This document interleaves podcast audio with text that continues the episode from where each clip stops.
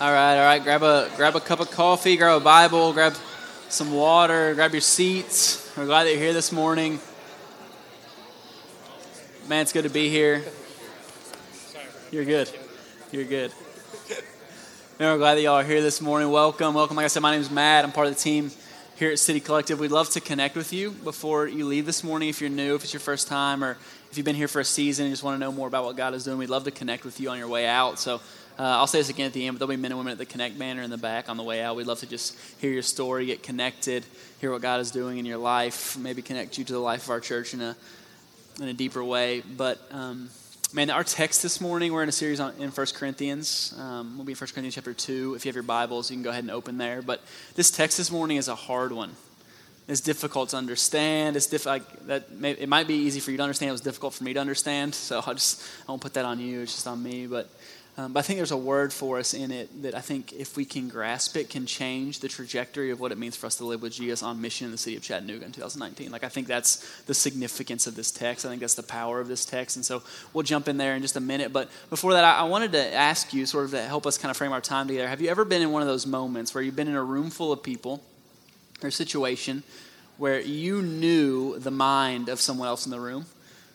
Like where you knew what they were thinking. Like some of you who are like married, this may happen with your spouse or a boyfriend or girlfriend or a best friend. Um, I, I, have a really good friend of mine. We were in Scotland one time working with some churches there, and uh, we got off the plane. We had been flying like all night, and we get off the plane and we go to this um, woman's house. Who she was a member of the church there that we were working with, and she had prepared this amazing meal for us to kind of welcome us to the country. And she had made, uh, we eat the meal, it was great, and then she brings out dessert and dessert was amazing. Anybody like mangoes? Like I love mangoes. Um, she brought this like mango like ice cream and like mango thing that was amazing.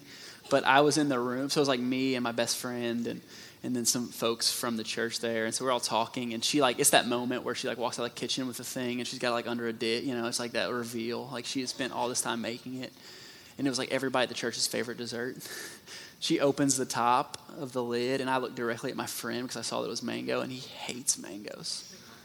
Like he can't like can't like the taste, the texture, all of it. And I watch him in like in his mental process figure out how am I going to avoid eating this dessert. Has anybody had that experience? Everybody else in the like, man, this is amazing. Welcome, this is so great. And I'm like, this guy is literally dying inside. Anybody been there? Like you're like, this is Kristen happens to me all the time. Kristen I'll be in a room something will be happening, and somebody will say something, and she'll look at me, and we'll get in the car afterwards, and she'll be like, "You were absolutely that was killing you, right? Like you were dying, whether it was a trigger or some some emotional thing in my past, like you were dying. Everybody else in the room like has no idea what's happening, but like you share a mind. Anybody been there? Is that just me? Am I crazy? I, I, I share that story because I think what it illustrates is that we can be somewhere and we can be in the presence of other people, but when we know the mind of someone else, it changes our perception of the very reality that we're in, right? Like it's like we're living in an alternate universe, we're living in a different timeline, we're living in a different story. It's like everything happens around us, that's happening around us has new meaning that has been hidden to the rest of the room, right? Nobody else is, uh, is uh, available to access it, but to us, right?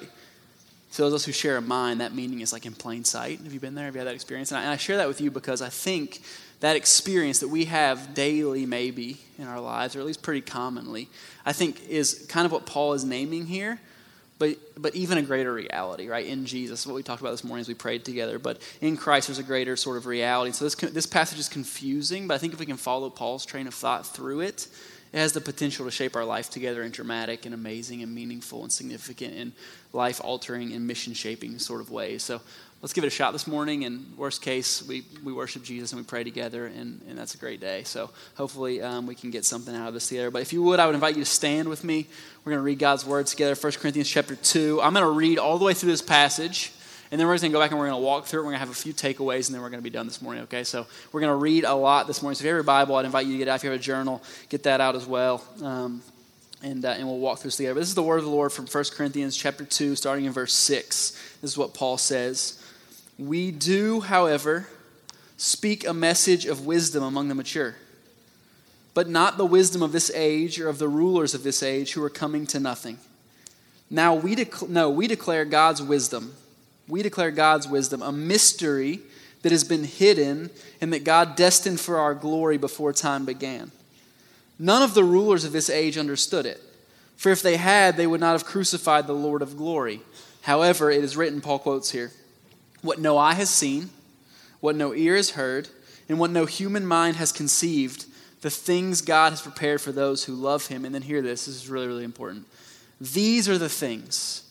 These are the things. What things, Paul? What no eye has seen, what no ear has heard, what no human mind has conceived. These are the things, Paul says, that God has revealed to us by his Spirit. That God has revealed to us by his Spirit. The Spirit searches all things, even the deep things of God. For who knows a person's thoughts except their own spirit within them? In the same way, no one knows the thoughts of God except the Spirit of God. How are we doing? Are we tracking? What, it, what we have received is the is what we have received is not the spirit of the world, but the spirit who is from God, so that we may understand what God has freely given us. This is what we speak, not in words taught us by human wisdom, but in words taught by the Spirit, explaining spiritual realities with spirit taught words. Anybody confused yet? Keep walking. Verse 14. The person without the Spirit does not accept the things that come from the Spirit of God, but considers them foolishness and cannot understand them because they are discerned only through the Spirit. The person with the Spirit makes judgments about all things, but such a person is not subject for merely is not subject to merely human judgments. For, and Paul quotes again, Isaiah, who has known the mind of the Lord, so as to instruct him. And then here this is how Paul ends, but we, but we have the mind of Christ but we have the mind of Christ. Let's pray together, and then we'll be seated. Father, we love you. Jesus, help us to see what you're inviting us into in this passage. Bless our time, Lord. We love you. In Jesus' name we pray. Amen. And there's a way that we read that text, and it sounds super new age, right? It sounds super new age. Spiritual things, spiritual words, spiritual people. Like go up on a mountain somewhere, do some yoga, and like that's where we got, right? Like it's like Paul, like doing that goat yoga or whatever, he comes back with this. It's not it. It's not it. Have you guys seen goat yoga? It's absolutely wild, the little goats. Anyway, Google that when you get home. Um, I don't think that's what Paul's saying. That he's laying out, I think, a case and painting a picture here for his audience of the truth of the reality. And listen, everybody in teaching team told me that I say reality way too much, and I do. I, I agree. I'm working on it. But this is literally the reality. So, like, I can't, there's no other word. He's painting a picture of the truth of the reality. He's reminding them of the alternate universe in which they live. Not really alternate universe, but the very real universe that they're being called into in Jesus. That he's laying out the facts so that they might arrive at the end of this chapter, at the conclusion that Paul arrives at, that they might realize that what he says at the end of this passage is true, that they have the very mind of Jesus not that they know, like, generally sort of the direction of the thinking. Like, they have the mind of Jesus. Like, that's the, they have the spirit of Jesus, the spirit of God living among them. And so I just want to walk back through this text this morning and um, we're going to look at some Greek, and it, hopefully it's not boring to you, but I think there's something really powerful here. So let's just walk back through it and see if we can trace Paul's steps, trace his thought, and see what it does for us. And so, verse 6, if you have your Bible, we do, we do, however, speak a message of wisdom among the mature. And this is like, if you remember, if you've been walking with us, we're just going to stop right there for a second. This is Paul, like, totally appearing to contradict himself, right? Because what's he said in the chapter just previous to this? He said, When I came to you, I preached what?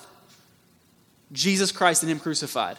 Not with eloquence, not with wisdom. The message of the cross is foolishness, right? And then Paul turns around in chapter 2 and he says, Hey, I, our message actually is wise.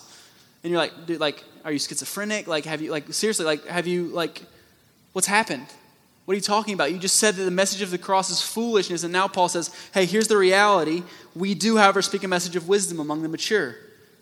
So, for the mature in Christ, the message of the cross is wisdom, Paul says. But it's not the wisdom of this age or the rulers of this age, he says, who are coming to nothing. And I go, man, if we just hold that up as a picture of what's happening in our world, Paul says the cross is wisdom, right? but it's foolishness to the rulers of our age. It doesn't make any sense to the powers and the principalities that are at work in our world, right? And Paul uses some words here and concepts that he's kind of already leveraged in the letter, but especially that would have been at work in the culture and in the community of the, of the Corinthian church. They would have been familiar with this. And so for us, it takes just a little bit more homework to kind of really drill down into what Paul is saying. And so um, I, I, just want us this morning to be able to fully sort of comprehend, I think, what Paul is inviting us into. And so um, Paul has said, we preach Christ and Him crucified, and that's foolishness, right? That's kind of the baseline. But then he opens up and he says, um, I don't think he's contradicting himself. He says, here's the, here's the reality. We do, however, speak a message of wisdom, and that word wisdom is a word that Paul has used throughout the letter. It's the Greek word Sophia. Anybody named Sophia? That's your name, wisdom in Greek, right? And, and, and, the best of Greek wisdom is this idea of philosophy, right? These really smart people talking about really intelligent and really difficult to comprehend things. The best of Greek philosophy and, and wisdom in their idea is that delivered with like the greatest amount of rhetoric and wise words and like smart sounding sayings and persuasion and all that. So this idea, right? The embodiment of wisdom in the Greek culture. And Paul says, here's the deal. That's not wisdom. Wisdom is Jesus crucified. But it is the wisdom of God, right? And so it's what Paul's been talking about from the last chapter or so, the difference between the wisdom of the kingdom of God and the wisdom of the culture that surrounds them. And so he says, we do, however, speak a message. It is wise. It is the wisdom of God. And then he says, but it's only wisdom to those who are mature. And we have this understanding of mature, right? And maturity and, and all of that. And the Greek people around Paul, they would have had an understanding of maturity as well. But that word in Greek is teleios. And it's the word we get the word telescope from. Telos. Telos is the ending of a story, right? And so the biblical telos is what? New heavens and new earth. That's where the story is pointing. And Paul says, here's the deal the story of the cross is wise to people who are mature mature in the sense of understanding what God is doing in the future and living out of that reality in the present, right? That's maturity. That word elsewhere in the New Testament is translated complete, it's translated perfect, not in the sense of like sinlessness, right? But the idea of completion, the idea of living into the purpose for which something was created, that is the telos, right? That your telos is to be a disciple of Jesus, living in the fullness of the kingdom of God. And he says the message of the cross is wisdom when you are living in that reality. What Paul is saying to the mature, Right? In a culture that said, hey, to be mature, it means you have to be successful and wise and eloquent and understand all these philosophical truths. That's maturity in the Greek culture. I would say that's maturity in our culture. I wouldn't mean to be mature. To, to be complete in our culture means what? Fully self actualized. I got my job, I got my IRA, I got my house, I got my life together, right? Paul says, hey, here's the deal. The message of the cross is foolishness to people who are mature in that way, but to people who are mature in the way of Jesus, it is the wisdom of God. People who are living in completeness in the anticipation of the kingdom that is to come. So Paul says the gospel, the message of the cross, is wisdom to those sorts of people.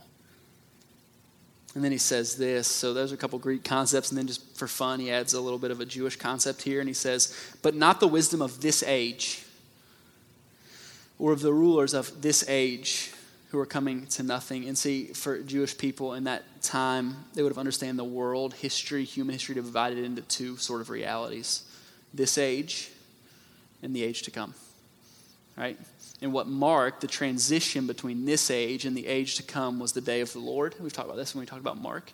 The day of the Lord is the day in which the Messiah of Israel would come. He would usher in the kingdom of God, and we would go from this present age into the new age in which the future kingdom of God comes crashing into the present moment, right? That's the dividing line of human history. And in Jesus, we see that happening, but there's some overlap, right? And so we talk about the kingdom of God as being this already like established reality, but it hasn't yet come in its fullness. We talk about the already and not yet nature of the kingdom of God. It's the tension that we live in, right? When we come to a place like this and we gather and we, we experience grace and freedom and mercy and all these beautiful things in Jesus, and we walk out of here and we walk into the brokenness of a world that's waiting for the kingdom of God to come crashing in in its fullness. And so Paul says, here's the truth of what's happening, right? This age in human history, governed by rulers and powers and principalities in this moment, this age is it's categorized